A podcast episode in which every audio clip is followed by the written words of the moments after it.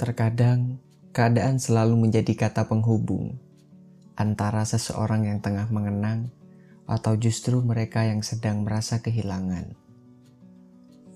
Tetapi, waktu selalu menjadi guru yang adil.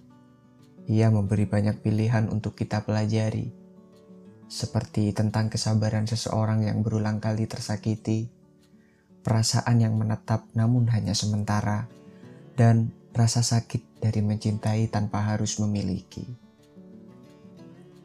Terlebih perasaan yang hanya mengambang, mengambang antara harus mengenang atau lebih baik melepaskan. Aku sedang teringat sesuatu. Di suatu pagi yang cerah, gigil angin pegunungan, serta manis kopi pahit yang terbuat dari tangis seseorang, kau pernah bilang. Sejatinya, kita ini tidak pernah memiliki.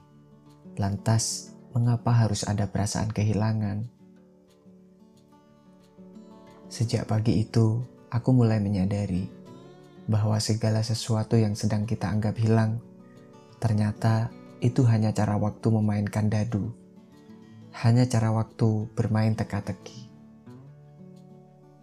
Aku berbahagia bagaimana cara kesedihan mengambil peran ia menyamar menjadi sesuatu yang bisa mengembalikan ingatan tentang hal yang pernah hilang, atau sebagai garis waktu bagi kita yang sepenuhnya masih terhalang oleh dinding takdir.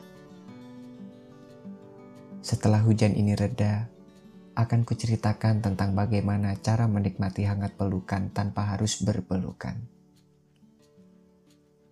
Tulisan ini hanya sebagai upayaku untuk mencari jalan jalan di mana saja asal kesedihan terasa membahagiakan.